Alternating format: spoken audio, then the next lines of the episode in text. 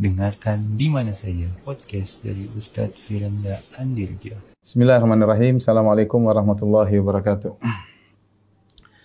Alhamdulillahi ala ihsanih wa syukru lahu ala taufiqihi wa amtinanih wa asyhadu an la ilaha illallah wahdahu la syarika lahu ta'ziman li sya'nih wa asyhadu anna Muhammadan abduhu wa rasuluhu da'ila ridwanih Allahumma salli alaihi wa ala alihi wa ashabihi wa ikhwani Ibu-ibu yang dirahmati Allah Subhanahu wa taala uh, alhamdulillah kita dipertemukan kembali oleh Allah Subhanahu wa taala dalam rangka mempelajari hadis-hadis Nabi sallallahu alaihi wasallam memperbaiki akhlak kita yang uh, masih penuh dengan kekurangan. Dan pada kesempatan kali ini kita masih membahas hadis-hadis yang termaktub dalam bab uh, yang adab ya.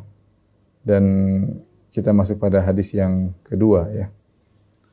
Hadis yang kedua tentang bagaimana seorang memandang yang di bawahnya agar dia menjadi lebih pandai bersyukur kepada Allah Subhanahu wa taala.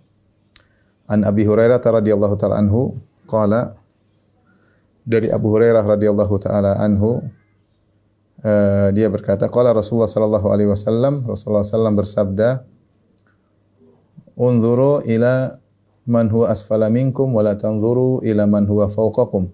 Lihatlah kepada orang yang di bawah kalian dan janganlah lihat kepada yang di atas kalian fahuwa ajdaru alla tazdaru nikmatallahi alaikum. Dengan demikian kalian tidak akan meremehkan nikmat yang Allah berikan kepada kalian. Ini adalah kaidah yang diajarkan oleh Nabi sallallahu alaihi wasallam dalam Sahih Muslim ya.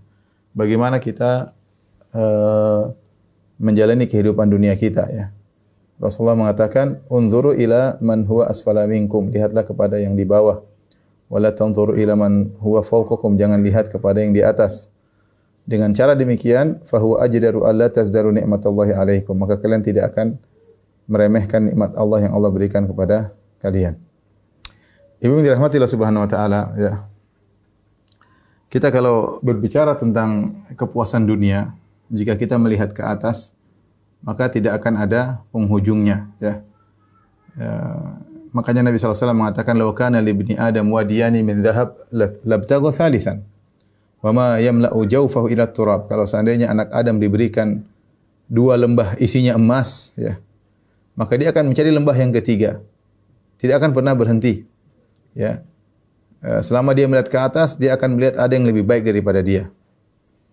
Dan dia tidak akan pernah puas. Wala yamla'u jawfahu ila turab dan dia hanya bisa puas jika kemudian mulutnya sudah dimasukin oleh tanah baru dia puas. Makanya Allah isyaratkan dalam Al-Quran, Alhaakumut takathur hatta zurtumul maqabir. Kata Allah Subhanahu Wa Taala, kalian telah terlalaikan dengan sikap at-takathur. Takathur itu banyak-banyakan, bangga-banggaan. Kalian tidak akan berhenti dari itu hingga kapan? Hatta zurtumul maqabir sampai kalian menziarahi kuburan itu sampai kalian masuk dalam liang lahat. Baru kemudian seorang berhenti dari hal tersebut. Ini kalau seorang senantiasa lihat ke atas, ya. Maka dia tidak akan pernah pernah puas. Dari situlah kemudian Allah Subhanahu wa taala berfirman wa qalilun min ibadiyas syakur. Hanya sedikit dari hamba-hambaku yang bersyukur. Kenapa? Karena banyak dari manusia yang mereka lihat selalu ke atas dalam menjalani uh, kehidupan dunia. Ya. Makanya Rasulullah SAW mengajarin cara agar kita pandai bersyukur, agar kita merasa bahagia adalah dengan melihat ke bawah. Kata Nabi SAW, Unduru ilaman huwa asfala minkum. Lihatlah ke bawah, orang yang lebih rendah dari kalian. Wala tanzuru ila man huwa fawqakum. Jangan melihat yang di atas kalian. Ya. Dengan cara melihat ke bawah, kita akan tidak meremehkan nikmat yang Allah berikan kepada kita. Karena betapapun susah kita, bagaimanapun penderitaannya kita, pasti ada yang lebih menderita daripada kita. Pasti ada yang lebih menderita daripada daripada kita ya. Saya contohkan saja misalnya sekarang uh, mungkin di antara kita ada yang sakit, taruhlah sakit. Uh, suatu penderitaan. Tapi kalau dia mau lihat ke bawah, pasti ada yang lebih menderita daripada dia. Pasti ada yang lebih sakit daripada dia. Mungkin seorang di antara kita ada yang mungkin uh, kendaraannya mungkin hanya motor misalnya ya. Dia nggak punya mobil. Tetapi kalau dilihat ke bawah, dia akan lihat masih banyak orang yang tidak punya motor. Masih banyak orang yang mungkin masih berjalan kaki. Yang berjalan kaki juga masih, mungkin kalau lihat ke bawah, dia masih bisa bersyukur. Masih banyak orang yang tidak bisa berjalan kaki. Sudah ter di bawah selalu di atas kursi roda. Yang di atas kursi roda juga kalau mau melihat masih ada yang lebih daripada dia. Banyak orang tergeletak tidak bisa bergerak sama sekali. Dengan cara demikian kita akan senantiasa uh, bersyukur kepada Allah Subhanahu wa taala. Dan inilah yang disebut dengan kebahagiaan. Kebahagiaan adalah tatkala seorang merasa puas dengan apa yang Allah berikan kepadanya yaitu qanaah. Ya, yaitu qanaah. Qanaah adalah uh, harta yang sangat besar yang Allah berikan di hati hamba-hamba yang Allah uh, pilih. Tidak semua orang memiliki sifat qanaah. Kapan seorang qanaah maka dia telah mencapai kebahagiaan. Apa kata Imam Syafi'i rahimahullahu taala? Wa idza ma kunta dha qalbin qanu'in fa anta wa malikud dunya sawa'u. Idza ma kunta dha qalbin qanu'in fa anta wa malikud dunya sawa'u. Kalau engkau memiliki hati yang qanaah, sungguhnya engkau dan raja dunia sama saja. Sama saja, ya. Sama-sama bahagia. Mungkin dia punya uh, kerajaan seluas yang begitu luas, memiliki kekayaan, tapi an Anda sudah qanaah. Kalau Anda sudah qanaah, maka Anda sudah bahagia, ya. Tapi jika seorang tidak qanaah, meskipun dia punya harta sebanyak apa pun, dia tidak akan pernah tidak akan pernah uh, bahagia. Ya, inilah yang uh, merupakan uh, metode agar kita pandai bersyukur, senantiasa melihat ke bawah. Dan ini harus kita ajarkan kepada anak-anak kita, pada istri kita, ya. ya terutama ibu-ibu yang sering menengok ibu-ibu yang lain yang mungkin tasnya lebih bagus, dompetnya lebih bagus, HP-nya lebih bagus, ya, rumahnya lebih bagus. Ya, maka ada perkataan sebagian salaf, kalau kau ingin bahagia, ingin bahagia bergaul dengan orang miskin, maka cepat bahagia orang miskin lihat mereka susah, lihat mereka naik sepeda, sepeda ontel, kemudian lihat begitu kau akan bahagia. Ya. Lihat berjalanlah ke sawah, lihat orang kerja petani di sawah ya. Nah, kebetulan saya lagi di Jogja, jadi saya lihat banyak orang yang kerja di sawah, kemudian siang-siang mereka nyangkul ya, lihat mbah-mbah naik sepeda ontel ya. Dengan begitu kita bersyukur kepada Allah. Ternyata nikmat yang kita dapatkan sekarang sangat sangat sangat banyak ya. Tapi kalau seorang sudah mulai bergaul dengan orang kaya, tidak bisa menjaga hatinya, dia orang menderita. Dia orang yang menderita. Temu lagi ibu-ibu, ketemu ibu yang lain, Masya Allah, dengan kemewahannya. Apalagi kalau dia pertemuan dengan baju yang terindah, dengan tasnya yang terindah, dengan sepatunya yang terindah, dengan HP yang terbaik, dengan ah semuanya dibawa deh, emasnya kanan kiri, kanannya banyak, gelangnya banyak seperti toko emas berjalan. Eh, luar biasa, macaknya luar biasa. Akhirnya dia sedih, dia tidak bisa seperti ibu-ibu yang lain. Maka kalau sering bergaul sama orang kaya, sementara Anda tidak bisa mengatur hati Anda, Anda hanya hanya menderita, membuat menderita. Kenapa manusia sulit untuk menata hatinya? Lihat kepingin, lihat sana kepingin, lihat ini kepingin. Makanya ibu kalau ingin bahagia bergaul sama orang miskin ya. Bergaul sama orang miskin biar tahu bahwasanya saya ini sebenarnya dapat nikmat yang luar biasa dari Allah sehingga Eh, kita akan menjadi pandai berterima kasih kepada Allah. Inilah wasiat Nabi sallallahu alaihi wasallam, "Unzuru ila man huwa asfala minkum wa la tanzuru ila man fawqakum." Lihatlah yang ke bawah dan jangan lihat ke atas. Perhatikan di sini Ibu. Ya. Uh, kalau kita mau sing, uh, apa namanya? Kita mau ringkaskan filosofi kehidupan ya. Untuk masalah dunia, untuk uh, perkara dunia, maka Nabi menyuruh untuk melihat ke bawah. Melihat ke bawah. Ya. Jangan melihat ke atas. Agar bahagia. Sebaliknya untuk perkara akhirat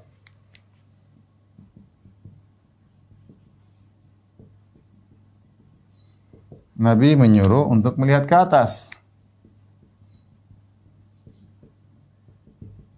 Ke atas, jangan lihat ke bawah.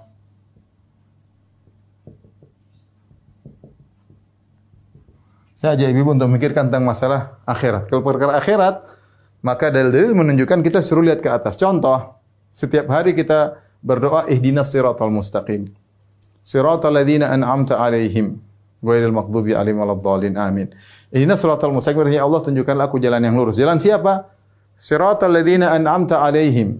Jalan orang-orang yang kau beri nikmat kepada mereka. Dalam ayat yang lain minan nabiyyin wasiddiqin wasyuhada wassalihin. Itu jalannya para nabi, para siddiq, para syuhada, para salihin. Jadi kita minta jalan yang luar biasa bukan jalan sembarangan. Kita minta ya Allah tunjukkanlah kepada jalan yang pernah dilewati oleh para nabi, para siddiqin, para syuhada, para salihin.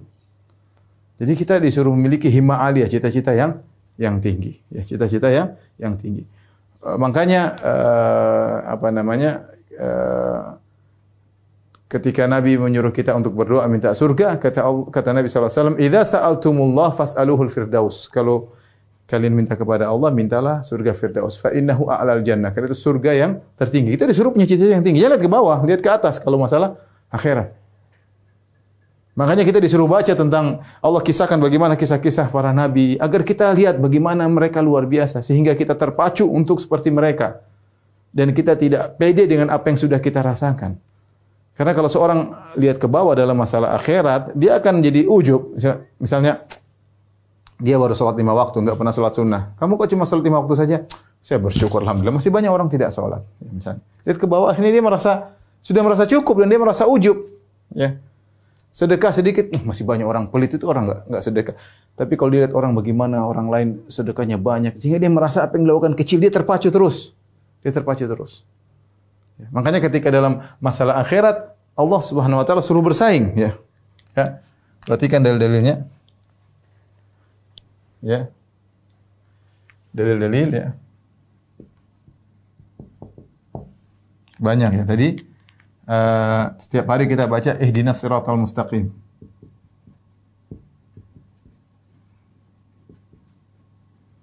Itu jalannya orang-orang yang uh, orang-orang hebat ya. Kemudian uh, kita disuruh minta surga Firdaus. Sehingga cita-cita kita tinggi, ya bukan bukan kita berdoa, ya Allah berikan aku surga paling rendah nggak apa-apa ya Allah, cuma pelatarannya doang nggak apa-apa. Enggak, kita disuruh minta surga yang tinggi. Agar cita-cita kita tinggi. Kemudian misalnya disuruh berpacu berpacu, berlomba, berlomba, bersaing. Ya. Di dalam Al-Quran banyak seperti firman Allah Subhanahu Wa Taala, "Fastabikul khairat." Fastabikul khairat. Berlomba-lomba dalam kebaikan. Allah juga berfirman, misalnya wasari'u. Allah suruh segera. Dalam ayat yang lain, sabiqu. Bersegeralah, cepatlah. Allah suruh bersaing, kata Allah wa fi dzalika wa fi dzalika fal yatanafasil al mutanafisun. Ya, kata Allah untuk urusan surga bersainglah ya. Untuk nikmat surga bersainglah. Karenanya, uh, karenanya para sahabat dahulu mereka saling bersaing. Lihatlah hadis uh, Abu Bakar uh, Umar bin Khattab radhiyallahu anhu. Dia berkata, amarna Rasulullah SAW bisadaqah. Rasulullah SAW pernah memerintahkan kami untuk bersedekah. Fawafaqa dzalika malan indi. Kebetulan ketika Rasulullah SAW menyuruh aku bersedekah, aku betul punya harta. Maka dia bilang, hari ini aku akan mengalahkan, aku akan bersaing dengan Abu Bakar. Kalau saya bisa mengalahkan dia pada suatu hari maka inilah harinya kesempatan aku mengalahkan Abu Bakar. Fajituhu binisfi mali. Maka uh, Umar membawa setengah hartanya. 50% hartanya disedekahkan kepada Nabi sallallahu alaihi wasallam. Maka Rasulullah bertanya, "Ma Abu Qaita di ahlik? Apa yang kau sisakan buat keluargamu?" Kata Umar, "Abu Qaitu lahum mithlahu." Aku sisakan buat mereka seperti yang aku bawa sekarang. Itu sama. 50% buat eh, dakwah, 50% buat keluarganya. Kemudian datang Abu Bakar, wajah Abu Bakar bimalih kullihi. Dia bawa seluruh hartanya, subhanallah. Rasulullah bertanya, "Ma madza abqaita li ahlik? Apa yang kau sisakan buat keluargamu?" Kata dia, "Abuk abqaitu lahumullah wa rasulah." Aku tidak sisakan apa, semuanya aku nyisakan buat mereka Allah dan Rasulnya. Subhanallah. Kata Abu Bakar, aku kata Umar, aku tidak akan bisa mengalahkan Abu Bakar ya. Para sahabat bersaing dulu. Karena Allah yang suruh. Ya. Jadi maksud saya, ketika kita uh, apa namanya? untuk akhirat kita melihat ke atas. Manfaatnya apa? Apa manfaatnya? Pertama, eh, termotivasi. Yang kedua, tidak ujub. Kita tahu diri. tahu akan tahu akan kekurangan kita.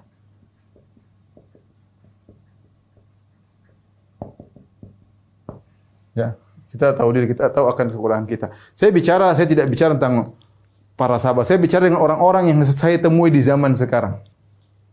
Saya pernah bertemu dengan seorang kita bicara sedekah ya.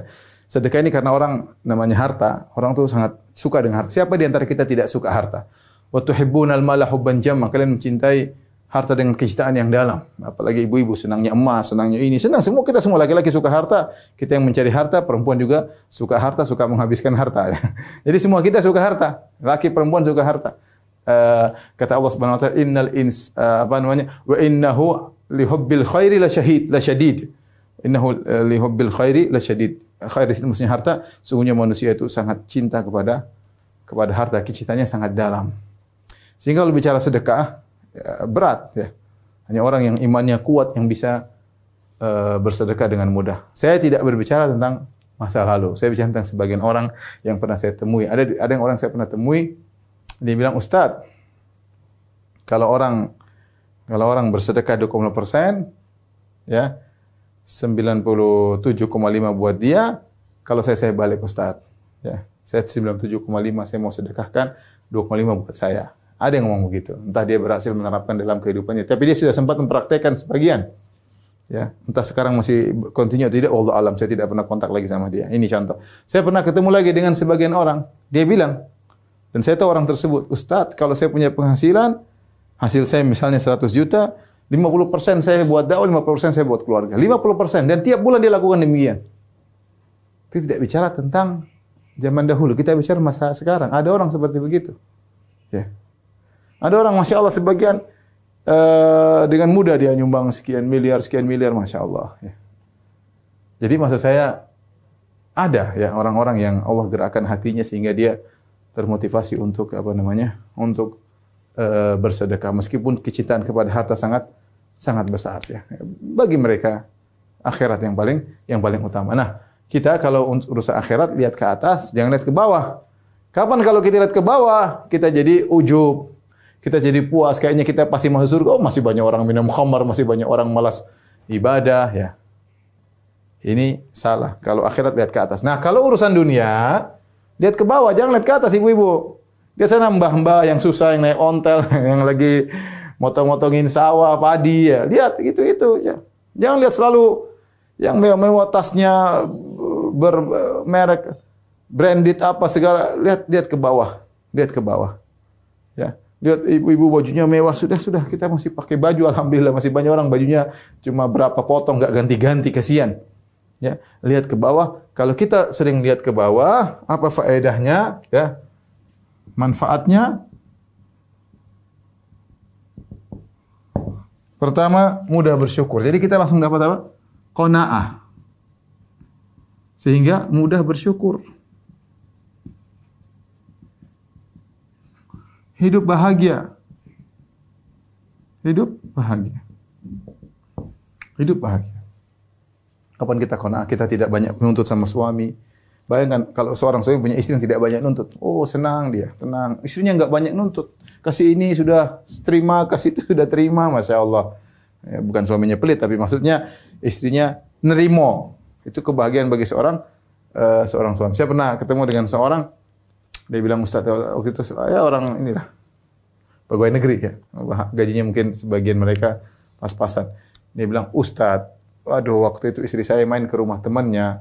Kemudian temannya baru beli kulkas baru. Pulang-pulang dia bilang, ayah beli kulkas baru lagi dong. Masya Allah padahal kulkas masih bagus. Kenapa? Dia terpengaruh. Lihat temannya beli kulkas baru.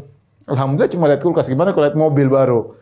Jadi uh, kalau ingin bahagia, ibu-ibu sering bergaul sama orang miskin ya. Jangan ke, ke, kegiatannya ke mall melulu. Ketemu orang kaya, ketemu orang branded-branded, akhirnya kita menyengsarakan diri kita. Padahal hidup cuma sebentar. Sebentar berlomba-lomba gaya-gayaan, tahu-tahu kita meninggal dunia, tahu-tahu udah keriput, udah tua. Terus kita masih bangga-banggaan dengan penampilan ya. Kita bukannya bukannya kita disuruh kempro, tidak. Ya, ya, boleh yang wajar kita tetap menghias diri, tetap cantik, tapi jangan berlebih-lebihan ya. Untuk perkara dunia sering-seringlah lihat ke bawah, jangan lihat ke atas agar anti bisa kona'ah bersyukur, nanti bisa hidup bahagia, tidak bikin pusing suami ya. Karena kalau anti selalu nuntut, kasihan suami anti. Beli ini, beli anu, beli ini nggak ada, nggak ada uh, henti-hentinya. Inilah filosofi kehidupan harusnya kita renungkan. Bahkan sebenarnya mengatakan kalau si miskin mau ber, ber, mau eh, coba ini renungan, renungan apa namanya? Renungan buat si miskin. Kalau si miskin mau merenungkan, sebenarnya dia mau jujur, dia mau jujur untuk uh, menilai ya. Dia sekali lihat orang kaya, mungkin kita bicara seorang kaya, dia dokter punya perusahaan besar, punya pegawai mungkin ratusan, ya, punya rumah mewah dengan uh, rumah yang megah, ada satpamnya semuanya. Tapi mungkin secara lihat kita lihat sederhana, uh masya Allah itu mungkin raja kehidupannya kehidupannya dia pasti orang paling bahagia, belum tentu. Tidak sebagian sebagian orang miskin ya mungkin hidupnya pas-pasan, tapi dia bahagia, dia bisa main-main sama temannya, dia setiap hari bisa pulang ketemu istrinya, mungkin tidur di tikar tapi langsung bisa tidur. Si kaya itu belum tentu. Sudah tempat tidurnya mewah, mungkin ada masalah sama istrinya, mungkin mau tidur pikirannya, pikir perusahaannya, besok mau lebaran harus siapkan THR buat pegawai, belum lagi pajak-pajak yang belum dibayar, belum lagi mikir persaingan bisnis, belum lagi memikirkan saham yang turun. Oh, jangan jangan jangan enggak jangan kita kira orang kaya tidak banyak pikiran. Jangan usah kita bicara orang kaya, bicara pejabat deh, bicara raja deh. Mungkin mereka punya anak buah banyak, bodyguardnya banyak, tapi belum tentu bahagia. Kebahagiaan itu hak semua orang bisa dapatkan, tidak harus kaya. Tidak harus kaya. Benar, ini kita bicara kenyataan. Tidak harus orang bahagia itu kaya. Lihat banyak orang tinggal di kampung bahagia. Ada orang kaya raya, sudah istrinya cantik, dia tidak pernah puas, mau ini lagi, selingkuh lagi.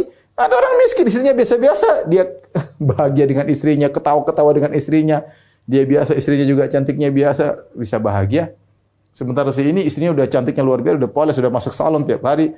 Tetap aja dia tidak puas. Dia, begitulah. Begitulah maka saya mengatakan untuk urusan dunia, lihat ke bawah agar kita mudah mudah bahagia. Lihat betapa banyak orang uh, orang pejabat misalnya tersenyum. Di balik senyumannya kita tahu banyak problematika di balik.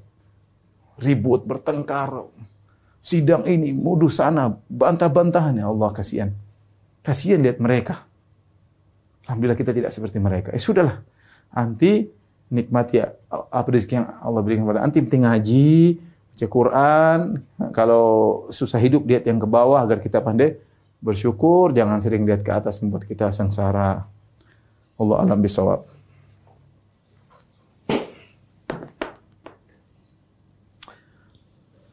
Baik. Kita lanjutkan hadis berikutnya. Ibu yang dirahmati Allah Subhanahu wa taala. Hadis yang berikutnya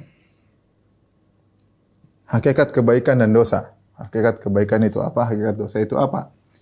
Anin Nawas bin Sam'an radhiyallahu taala anhu dari sahabat Nawas bin Sam'an radhiyallahu anhu qala dia berkata, "Sa'altu Rasulullah sallallahu alaihi wasallam anil birri wal ithmi."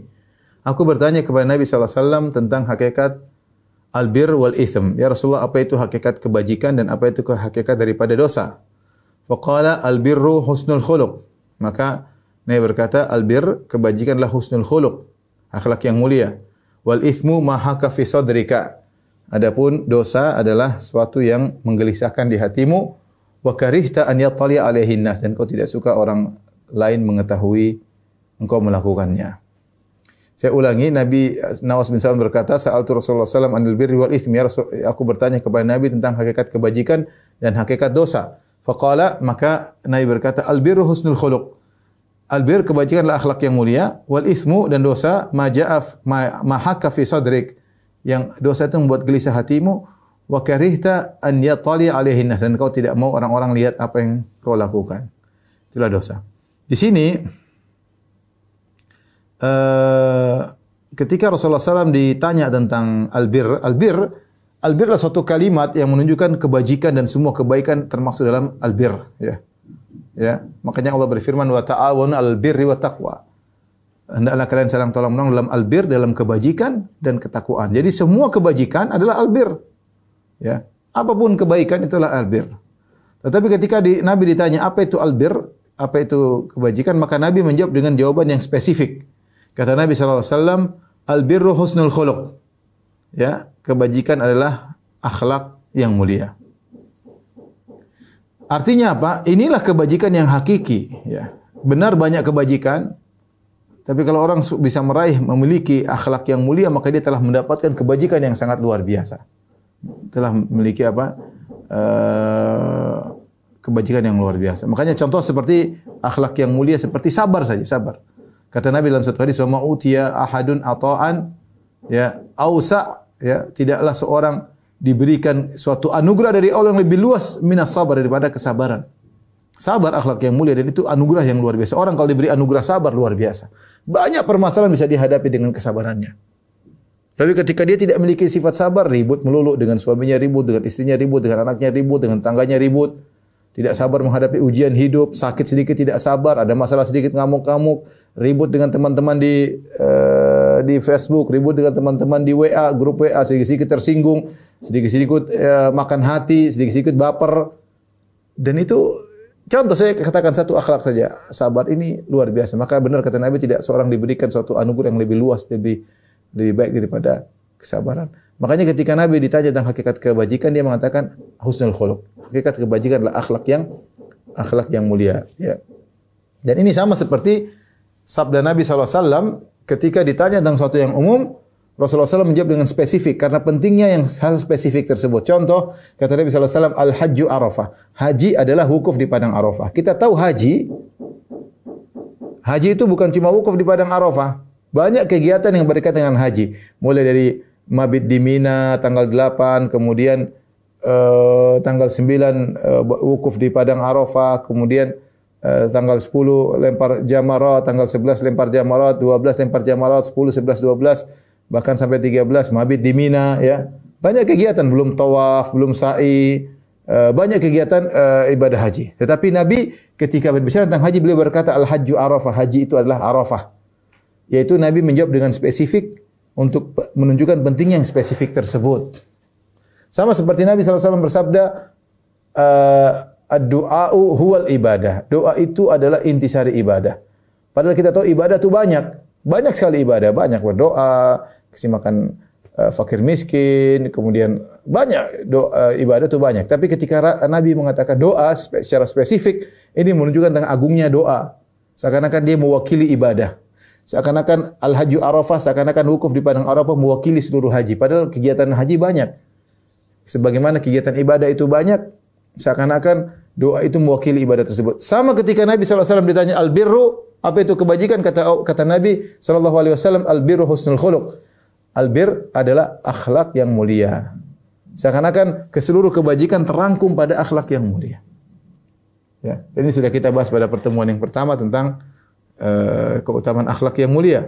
Makanya Nabi SAW bersabda, "Laisa syai'un athqal fil mizan min khuluqin hasanin." Tidak ada sesuatu pun yang lebih berat di timbangan kebajikan pada hari kiamat kelak seperti akhlak yang mulia. Ya, akhlak yang mulia timbangannya berat di akhirat kelak. Demikian juga uh, dalam hadis kata Nabi SAW, Inna rajula la yudriku bi husni khuluqi bi husni khuluqi darajatas sa'imil qa'im. Sungguh seorang dengan akhlak yang mulia dia bisa mencapai derajat orang yang senantiasa berpuasa, senantiasa sholat malam. Ini ada orang dia mungkin agak malas puasa sunnah. Mungkin dia malas-malasan sholat malam, tapi akhlaknya mulia. Akhlaknya mulia. Semua orang senang main sama dia. Semua orang betah ngobrol sama dia. Semua orang merindukan kedatangannya. Subhanallah orang seperti ini, ya. Ngomongnya enak, bergaulnya enak, menghargai orang lain, tidak merendahkan orang, tidak pernah nyindir orang lain. Orang ketemu dia itu nyaman. Ini akhlak yang mulia. Dia nyaman sama pembantunya, nyaman bersama dia, senang dengan majikannya, supirnya nyaman sama dia, temannya nyaman sama dia. Istrinya apalagi merasa nyaman dengan anak-anaknya merasa nyaman, bangga punya bapak seperti ini, istrinya bangga punya suami. Orang ini luar biasa. Dia enggak sholat malam, dia tidak puasa, argo pahala seperti kata Nabi, eh, darajat shaim wal qaim. Seakan-akan dia adalah orang yang senantiasa berpuasa, seakan-akan dia adalah orang yang senantiasa sholat malam. Itulah yang sudah pernah saya sampaikan uh, bahwasanya ya uh, bahwasanya orang yang akhlaknya mulia maka argo pahalanya jalan melulu ya. Argo pahala jalan melulu. Karena di mana pun dia berada dia berakhlak mulia dan akhlak mulia ibadah. Albir husnul khuluq. Albir kebajikan adalah akhlak yang mulia. Dia ketemu istrinya ngobrol pahala mengalir. Kenapa? Dia senyum sama istrinya. Kalau wanita berakhlak mulia sama suaminya, suaminya nyaman sama dia. Suaminya ingin telepon dia, suaminya ingin dengar suaranya. Kalau pulang ke rumah suaminya ingin ngobrol sama dia, masya Allah anti kalau sudah seperti itu luar biasa, membuat nyaman suami ya. Suami senang lihat lihat anti, kalau lihat anti kemudian anti dielus-elus kepalanya bukan disendul kepalanya ya. Dielus berarti ya berarti anti masya Allah top ya. Anti masya Allah berarti anti wanita soleha, akhlak mulia ya, terutama kepada suami ya. Dan itu sudah mewakili banyak daripada ibadah. Makanya dia mengatakan albir husnul khuluq, perhatikan, albir husnul khuluq, kebajikan akhlak yang mulia. Seakan-akan akhlak mulia sudah mewakili banyak ibadah. Tapi ingat kita melakukan itu semua karena Allah Subhanahu wa taala. Maka wajar jika Nabi mengatakan akrabukum minni majlisan yaumal qiyamah ahasinukum akhlaqa. Orang yang paling dekat denganku pada hari kiamat kelak adalah yang paling baik akhlaknya di antara kalian. Pingin dekat dengan Nabi berarti surganya tinggi. Maka uh, memiliki akhlak yang mulia. Seorang berjuang untuk perbaiki dirinya. Kalau dia sadar selama ini akhlaknya kurang baik sama istrinya, dia berusaha perbaiki. Selama ini saya kalau ngomong sama istri, saya merendahkan istri saya. Selama ini kalau saya ngomong sama istri saya, saya ngangkat suara. Selama ini kalau saya ngomong sama istri, saya tidak pandang dia. Saya sibuk dengan HP saya. Rubah. Wanita juga demikian. Selama ini kalau saya ngomong sama suami, saya angkat suara. Saya bentak-bentak suami, saya nuntut ini, nuntut anu. Bayangkan seorang wanita bentak-bentak suaminya kemudian meninggal dalam kondisi bentak-bentak suaminya, suul khatimah. Suul khatimah. Marah-marah suami, bentak-bentak suami atau meninggal jantungan. suul khatimah ya. Maka seorang berusaha perbaiki perbaiki eh, eh, akhlaknya. Akhlaknya eh, agar dia meraih kebajikan yang sesungguhnya. Taib. Kalau orang bertanya, Ustaz apa itu akhlak mulia? Memang banyak definisi. Tetapi saya sampaikan perkataan Hasan al-Basri tentang hakikat daripada akhlak. Ya, apa itu akhlak yang mulia? Mudah-mudahan ini contoh sederhana sehingga kita bisa terapkan dalam kehidupan kita. Kata Hasan al-Basri rahimahullah taala seorang eh, tabi'in, hakikatu hakikatu husnil khuluq, hakikatu husnil khuluq, hakikat daripada akhlak yang mulia, badrul ma'ruf wa kaful adza wa talaqatul wajhi. Badul ma'ruf yaitu mudah membantu orang, wa kaful adza tidak mengganggu orang lain, wa talaqatul wajhi dan murah senyum. Ini tiga rukun akhlak. Tiga rukun akhlak. Catat baik-baik ibu-ibu. Catat dalam hati ibu-ibu dipatrikan dalam eh, terpatri dalam hati ibu-ibu ya. Dipahat agar kita ingat akhlak yang mulia tercermin pada tiga perkara. Badrul ma'ruf suka membantu orang lain, kaful ada tidak ganggu orang lain, talaqatul wajhi murah tersenyum. Kalau ibu terkumpulkan pada ibu tiga ini, insyaallah ibu berakhlak mulia. Batul ma'ruf mudah membantu orang. Ada mungkin bantu dengan harta kalau punya. Kalau tidak punya bantu dengan tenaga, kalau tidak punya bantu dengan ide pikiran, kalau tidak punya bantu dengan doa. Suka melakukan kebajikan, ringan tangan kalau bahasa kita ringan tangan, ya. Bukan pelit, uh, tidak ngurusin orang, cuek dengan orang susah di sampingnya, itu bukan bukan akhlak yang mulia. Eh, urusan gue, urusan gue, urusan lu, urusan lu, enggak. Ya. Lu, lu, gue, gue, enggak. Kita benar-benar namanya orang berakhlak mulia, dia suka membantu orang. Ya. Untuk dia tidak usah jauh-jauh orang sekitarnya, kerabatnya, tetangganya, teman dekatnya. Dia mudah, mudah. Saya katakan orang betah kalau sama dia. Sebab kaful azza, tidak ganggu orang. Jangan sampai ganggu orang, tidak tidak ganggu orang dengan tangannya, tidak ganggu orang dengan komentarnya. Tidak ganggu orang dengan sindirannya, tidak ganggu orang dengan nyinyirannya. Tidak ganggu orang dengan sinis pandangannya. Pokoknya jangan ganggu orang deh. Ibu-ibu, apalagi ibu jangan suka gibain ibu-ibu yang lain. Ya. Jangan suka gibain orang lain. Jangan suka merendahkan orang lain. Jangan suka nyeritain ke, ke aib orang lain ibu-ibu. Ya. Kalau ibu kaful ada, yaitu pokoknya jangan ganggu orang deh. Kita ini hidup kalau meninggal kalau bisa kata Ibnu Umar yaitu apa namanya khafifah zahr, khamisal batan kata Ibnu Umar. Kesimpulan daripada ilmu adalah engkau bertemu dengan Allah itu uh, di antaranya khafifah zahr. Punggungmu ringan itu tidak mengganggu beban orang lain, tidak zalimi orang lain, tidak mengambil hak orang lain. Jangan ganggu orang lain. Yang terakhir adalah talaqatul wajh, yaitu murah tersenyum. Ya ukhti, kalau anti terkumpulkan dari anti seperti ini, mudah bantu orang lain, tidak ganggu orang lain, murah tersenyum, siapa yang tidak ingin dekat sama anti? Mudah bantu orang, tidak pernah nyakiti orang, tidak pernah nyinggung orang, Tidak pernah merendahkan orang, ketemu orang tersenyum, wah semua orang senang jadi teman nanti. Ya. Makanya saya bilang, sederhananya kalau kita ingin tahu akhlak kita mulia, kita ditunggu-tunggu sama orang. Tunggu-tunggu, eh, kapan dia datang ya? Orang senang kalau lihat dia pandai ngomong, pandai bergaul, terus apa?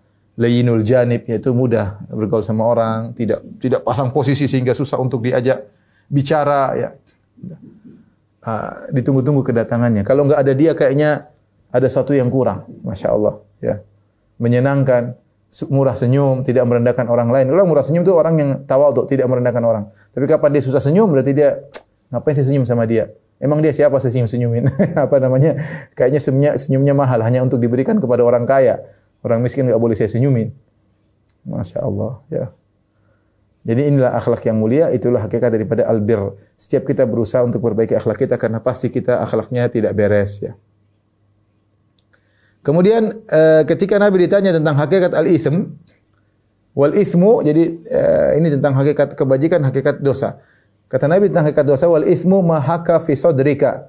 Apa yang menggelisahkan dalam dadamu wa karihta ayatali alaihi nas dan kau tidak ingin orang lain melihat apa yang kau lakukan. Ini adalah barometer untuk mengenal dosa. Apa itu dosa? Sebenarnya kita untuk mengenal dosa sumber utama adalah dengan Al-Qur'an dan Sunnah. Kalau Al-Qur'an mengatakan dosa maka itu dosa. Kita harus melihat dengan kacamata dalil. Kacamata Al-Qur'an dan Sunnah. Harus kita harus belajar karena betapa banyak perkara yang menurut kacamata manusia bukan dosa, tapi menurut kacamata Al-Quran dan Sunnah dosa yang besar. Ya. Contoh kasih sajian. Mungkin kasih sajian bagi sebagian orang biasa aja apa urusan dia enggak masalah. Bagi kita enggak itu dosa besar syirik. Syirik. Ya. Kita punya kacamata ter, tersendiri. Ya. Maka seorang untuk mengenal hakikat mana itu dosa atau tidak, maka harus belajar. Mau tidak mau, uh, dia harus belajar di Al-Quran dan Sunnah. Namun ada perkara yang terkadang hendak kita lakukan dan kita tidak tahu secara dalil. Ini dalilnya apa sih saya nggak tahu. Maka tatkala itu kita tanyakan kepada diri kita. Kita lihat bagaimana kondisi hati kita ketika ingin melakukannya. Gelisah atau tidak. Seharusnya kita tahu dalilnya. Ini kisah bicara tentang perkara yang kita nggak tahu dalilnya. Terkadang kita melakukan, kita menyangka itu halal, tahu-tahu hati kita memberontak, ada sinyal. Kok begini ya? Iya, maka kita cek. Seandainya kalau orang tahu saya malu atau tidak. Kalau ternyata orang lain tahu kita merasa malu, kita tidak ingin orang lain tahu, berarti itu dosa. Ini tentu berlaku bagi orang-orang yang masih fit, uh, suci fitrahnya, ya. ya. Masih masih apa namanya? suci uh, fitrahnya ya. Sehingga dia dia bisa merasakan kalau ini enggak benar ya. Banyak orang uh, muamalah. Contoh sederhana ya. Coba misalnya uh, ibu A dan ibu B. Ibu A bilang sama ibu B, Bu B, Anti kan tinggal di Australia ya. Uh, tolong belikan saya apa namanya? Uh, inilah tas merek fosil kalau saya waktu di Australia saya dikasih saya dikasih tas merek fosil. Tidak tahu itu produk Australia atau bukan. Intinya tolong berikan saya tas atau dompet merek fosil. Oh ya. Si A kasih uang ke B saya transfer ya ya. Si B beli ternyata B ketika dia beli dia dia up harganya. Seharusnya misalnya harganya 200 dolar, Eh, dia bilang 300 dolar misalnya. Dia bilang kan saya sudah capek, saya pergi ke pasar nyari nyarikan, milihkan, itu kan butuh biaya 100 dolar. Dia menghargai, uh, memberi nilai eh, kerjaan dia untuk mencarikan mencarikan tas, kemudian ke pasar dengan nilai 100 dolar. Dia bilang kepada saya, iya ini ada saya dapat tas bagus, harganya 300 dolar. Ya, oke terima. Taib. Ini dosa atau bukan? Coba kita tanya si B, Seandainya si A tahu kamu gitukan dia, kira-kira kamu mau ketahuan atau tidak? Kalau kau tidak ingin ketahuan, itulah dosa. Ini contoh, contoh sederhana dalam kehidupan kita. Tapi kalau kau bilang si A tahu juga ada masalah, memang begitu sudah biasa, memang itu lain lagi. Tapi kalau kalau kau nggak enak, wah kalau A tahu saya up, saya upkan, saya naikkan apa harganya, eh, ini berarti berarti itu dosa, jangan lakukan. Saya mau tanya ke Ustaz, belum sempat tanya Ustaz, belum tanya, tapi hati kita sudah kita cek ini kalau dia tahu saya begini kira-kira, oh, saya nggak pengen dia tahu, ini rahasia saya antara saya dengan penjual misalnya. Ini namanya tidak benar ya. Jadi uh, ikhwan dan akhwat yang rahmatillah subhanahu wa taala, saya ingatkan kembali untuk mengenal suatu dosa atau tidak harus kembali kepada Al-Qur'an dan Sunnah. Tapi ada hal-hal yang kita lakukan, hati kita punya sinyal menegur. Kita kok gelisah Dan itulah yang Allah Allah puji dalam Al-Qur'an kata Allah Subhanahu wa taala, la uqsimu biyaumil qiyamah wa la uqsimu bin nafsil lawamah. Dan aku bersumpah kata Allah dengan an-nafs al-lawamah itu jiwa yang suka mencela. Manusia itu ada tiga jiwa model. Pertama, uh, nafsul mutmainnah, ini orang sudah mencapai derajat yang mulia. Uh, yang kedua namanya an-nafsu al-ammarah bisu, jiwa yang selalu menyuruh untuk melakukan kemaksiatan. Ada jiwa seperti sifat jiwa seperti itu. Ada namanya an-nafsul lawamah. Nafsul lawamah itu jiwa yang suka mencela. Mencela apa kalau kita maksiat dicela? Dia dia cela, dia sinyal dalam diri kita. Kita mau begini dicela, kita mau anu mencela, kita tidak mau sholat dicela, kita mau ngelihat yang haram dicela kita mau zolimi istri kita dicela misalnya kita pingin dia, dia sinyal tidak suka ini adalah jiwa yang terpuji dan orang yang masih fitrahnya baik dia pasti punya sinyal seperti itu. Ya. Jadi namanya dosa itu kau gelisah atau kau tidak ingin orang lain tahu. Kalau orang lain tahu kau akan merasa malu. Itu berarti itu adalah dosa.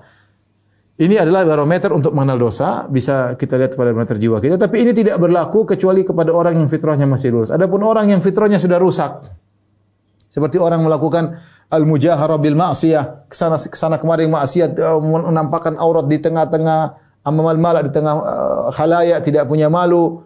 Macam mana? Orang tidak tidak dianggap uh, fitrah dia tidak dianggap karena dia sudah merusak fitrahnya. Dia sudah merusak fitrahnya. Bagi dia, ya, ini kalau ada masalah. Kok saya tidak malu orang lain tahu ya karena kau sudah tidak punya malu. Kau tidak tidak tidak punya malu maka tidak bisa dijadikan barometer. Tapi kita lanjutkan Ibu yang rahmati Allah masih dalam Kitabul Adab, masih dalam adab, hadis yang keempat.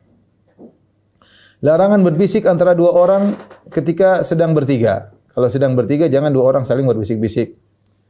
Wa an Ibni Mas'udin radhiyallahu anhu, dari Ibnu Mas'ud radhiyallahu anhu qala Qala Rasulullah sallallahu alaihi wasallam Rasulullah bersabda, "Idza kuntum salasatan, jika kalian tiga orang, fala yatanaja isnani dunal akhar, janganlah dua orang saling berbisik-bisik, yang ketiga tidak diajak, ya.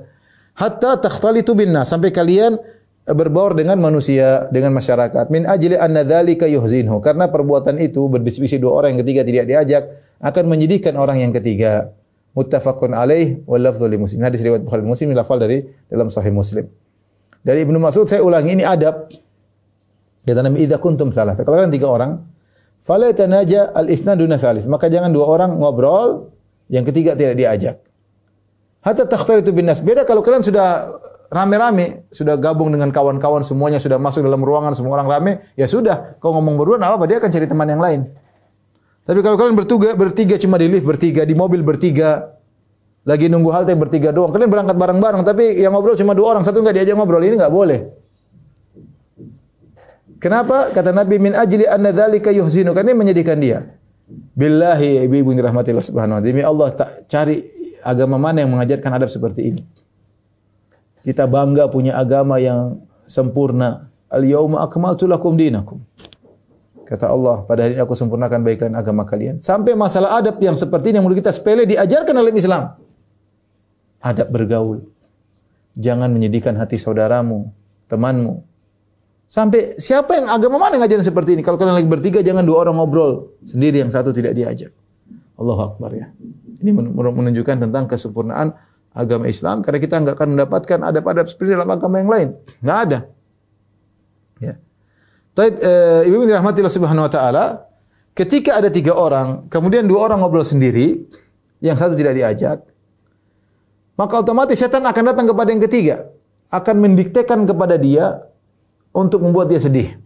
Apa diktean setan? Setan di antaranya setan, setan akan mendiktenya berkata, kamu nggak diajak karena kamu nggak dianggap. Tuh mereka berdua ngomong sendiri. Kamu percaya jalan bertiga ternyata kau nggak dianggap. Diajak untuk membenci kepada sesama kaum muslimin. Walakin fit tahrishi bainahum. Setan tidak pernah putus asa untuk mengadu domba di antara manusia. Wa qul li ibadi yaqul lati hiya ahsan inna syaitana yanzagu bainahum. Katakanlah kepada hamba-hambaku untuk mengucapkan kata-kata yang baik di antara mereka. Kenapa? Inna syaitana yanzagu bainahum. Sungguhnya syaitan mengadu domba di antara manusia. Inna syaitana kalian insani adu mubina karena syaitan itu musuh yang nyata. Di antara kerja keras utama syaitan adalah memecah belah. Saya perkara yang sepele. Dia tidak setan tidak betah lihat tiga orang bersahabat. Dia ingin ribut. Dia ingin terjadi keributan. Makanya ketika ada tiga orang dua orang ngobrol, satu tidak diajak, setan akan datang dikte dia dikte orang yang ketiga, ibu-ibu tiga orang, ibu yang ketiga akan datangnya setan. Setan bilang, "Bu, ente enggak nanti enggak diajak ngobrol sama itu ibu dua orang itu." Anti nggak dianggap. Anti juga nggak ada nilai sama mereka. Mereka cuma basa-basi tadi ngajak anti. Mulai timbul hati dia jengkel. Setan yang dikte. Atau setan bilang, Bu, anti nggak diajak ngobrol karena mereka sedang ngerumpiin anti. Mereka sedang gibahin anti. Ya, seperti itu. Nah, jangan kita bilang, lah kamu jangan seudon. Ya. Kita cross check dulu dong kita ngomongin apa. Enggak. Nabi menutup pintu dua-duanya. Nabi melarang suudzon dan Nabi melarang membuka pintu suudzon. Perhatikan. Nabi melarang seorang suudzon dan Nabi melarang kita membuka pintu suudzon. Jangan sampai orang lain suudzon kepada kita. Jangan kita melakukan kegiatan-kegiatan, gerakan-gerakan, aktivitas yang buat orang suudzon sama kita. Enggak boleh. Kita ingin menyelamatkan hati manusia dari saudara-saudara kita. Jangan buat mereka suudzon. Oleh karena ketika Nabi SAW sedang berjalan di malam hari bersama istrinya Sofia, Nabi antar dia untuk pulang ke rumah. Waktu itu lagi musim iktikaf, Nabi keluar ngantar karena Sofia mengunjungi Nabi di masjid, kemudian Nabi antar pulang. Ketika Nabi antar pulang, tiba-tiba ada dua sahabat jalan dengan cepat. Jadi Nabi berdua sama Sofia, tahu-tahu dua sahabat ini jalan cepat. Kata Nabi, "Ala rislikuma." Tenang, tenang, apa yang cepat-cepat? Innaha Sofia, ini istriku Sofia. Saya tidak datang jalan dengan siapa. Mereka bilang, "Subhanallah," kata mereka, "Ya "Rasulullah, aku kami tidak pikir apa-apa ya Rasulullah." Rasulullah bilang, "Benar, Allah kalian tidak mikir apa-apa, tetapi aku takut setan mendiktekan sesuatu kepada hati kalian. Inna syaitana yajri min bani Adam majra dam. Karena setan mengalir dalam darah manusia seperti setan mengalir dalam tubuh manusia seperti aliran darah. Kedua orang itu, mereka tidak suudon kepada Nabi, tapi Nabi khawatir setan buat mereka suudon, maka Nabi potong jalan setan, menutup celah jangan sampai orang suudon kepada Nabi SAW keluar di malam hari dengan seorang perempuan. Ya, Nabi potong. Uh, meskipun orang tersebut belum seuzon. Jadi disyariatkan bagi kita ibu-ibu, disyariatkan untuk tidak seuzon kepada orang lain. Pertama, dan disyariatkan bagi kita untuk tidak membuka pintu dan celah agar orang seuzon sama kita. Jangan, kita tutup celah tersebut. Tutup celah tersebut. Jangan sampai orang seuzon sama sama kita. Ya. Dan ini uh, ketika kita ngobrol berdua, yang satu tidak diajak, orang akan seuzon sama kita. Kok saya nggak diajak ngomong, saya nggak dianggap, mungkin mereka sedang ngobrolin saya. Maka kita tutup celah, kita ngobrol sama dia bertiga. Eh kita ngobrol bertiga, jangan ngobrol berdua saja. Ya. Bisik-bisik buat orang yang lain sedih. Inna najwa minasyaitani liyahzuna alladziina amanu. Sungguhnya najwa bisik-bisik dari syaitan menjadikan orang yang beriman bersedih. Adapun hatta takhtalitu bin nas kalau kalian sudah berbaur dengan manusia enggak ada masalah tiga orang nih jangan ngobrol berduaan ketika sudah sampai tempat tujuan gabung dengan teman-teman yang lain silakan dua orang ngobrol nggak ada masalah. Karena teman yang ketiga punya teman ngobrol yang lain, dia tidak akan sedih, dia tidak akan sedih. Dan ini berlaku juga jika ada empat orang, tiga orang ngobrol, satu tidak diajak, sama hukumnya. Empat orang, tiga orang ngobrol, satu tidak diajak, sama. Yang satu akan merasa sedih. Sama lima orang, empat orang ngobrol sini, satu tidak diujuk, di satu di mojok di, di pojokan, diem bengong, mau ngapain. Empat orang ngobrol ketawa ketiwi, dia tidak diajak. Sama, setan akan datang mendikte dalam hatinya. Kau tidak dianggap, kau sedang dirumpi, di apa mereka sedang mengurumpi, mengurumpi kamu, mereka sedang gibain kamu. Ya, ini tidak uh, uh, diperbolehkan ya. Tapi uh, demikian juga, demikian juga ibu dirahmati Allah Subhanahu wa taala uh, terkadang tidak bisik-bisik. Ada tiga ibu-ibu ya, misalnya ibu tersebut misalnya dua orang orang Jawa, kemudian satu orang e, misalnya orang Papua misalnya. Ternyata yang dua orang ini ngomong Jawa melulu, yang Papua tidak diajak ngomong. Meskipun ngomongnya bukan bisik-bisik, ngomongnya keras, tetapi dia ngomong pakai bahasa yang tidak dipahami. Ini juga tidak diperbolehkan. Dia tidak boleh bisik-bisik atau bicara dengan bahasa yang tidak dipahami oleh pihak ketiga. Kasihan dia, dia tidak diajak ngomong. Ini kalau memang dia tidak awal tidak ngerti sejak awal dan cerita. Ya kita kan bisa pakai ngomong bahasa Indonesia. Kita ngomong pakai bahasa daerah yang satu tidak ngerti, kasihan dia. Tidak boleh. Saya kadang-kadang uh, jalan sama sebagian teman, jemput untuk isi pengajian. Mulailah dua orang ini, mereka jemput berdua. Saya orang ketiga. Tapi mereka ngobrol pakai bahasa daerah. ini ngobrolin siapa? Kadang-kadang ya, ya namanya manusia ya. Ya saya, saya cuek aja, tapi adab sebenarnya tidak boleh seperti itu. Ya, tidak boleh. Ya. Tidak boleh. Jadi ini adab yang luar biasa yang diajarkan oleh oleh Islam. Dan faedah yang bisa kita ambil di sini, kalau hanya bisik-bisik dilakukan oleh dua orang, perhatikan. Dua orang melakukan bisik-bisik yang mereka berdua tidak bermaksud untuk menyakiti hati si orang ketiga. Si A, si B, si C. A dan B bisik-bisik. Tidak ada tujuannya untuk mencela si C. Tidak ada tujuannya untuk merendahkan si C. Tidak ada tujuan untuk menyakiti hati si C. Itu pun dilarang oleh Nabi. Karena bisa menimbulkan sakit hati si C, membuat dia bersedih. Ya. Bagaimana kalau kita menyakiti hati orang secara langsung? Kemudian ibu paham, saya ulangi. Ada ibu satu, dua, dan tiga. Ibu pertama, ibu kedua, sampai ketiga. Atau ibu A, ibu B, ibu C. A dan B ngobrol bisik-bisik, najwa. Mereka berdua ngobrol bisik-bisik ini tidak ada tujuan untuk menyakiti hati si C. Tidak ada tujuan untuk merendahkan si C. Tidak ada uh, tujuan untuk membuat sedih si C. Itu pun dilarang oleh syariat karena perbuatan mereka meskipun tujuannya tidak ada tujuan buruk bisa mengantarkan kepada keburukan maka dilarang oleh syariat. Bagaimana lagi yang langsung niatnya memang untuk mencela hati si C, menyakiti hati si C. Hati-hati ini lebih parah lagi. Maka ibu kalau ngomong hati-hati jaga ya. Kita bisik-bisik aja bikin orang tersinggung tidak boleh apalagi kita ngomongin langsung anti memang begini, anti memang begini, anti memang begini. Apalagi kita menyakiti hati dalam grup, grup WhatsApp, kita singgung dia, dia tersinggung. Waduh, jangan ibu-ibu.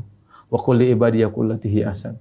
Katakanlah pada hamba-hambaku untuk mereka mengucapkan kata-kata yang terbaik. Inna syaitana yanzagu bainahum. Sungguh syaitan itu uh, adalah uh, mengadu domba di antara mereka. Inna syaitana kan insani aduwwam mubina. Sungguh syaitan adalah musuh yang nyata. Baik, demikian saja mungkin ibu yang dirahmati Allah Subhanahu wa taala sebagian akhlak dari Eh, bab adab ya mudah-mudahan bisa kita amalkan dalam kita sehari-hari. Insyaallah kita bertemu di kesempatan yang lain. Wabillahi taufiq wal. Assalamualaikum warahmatullahi wabarakatuh.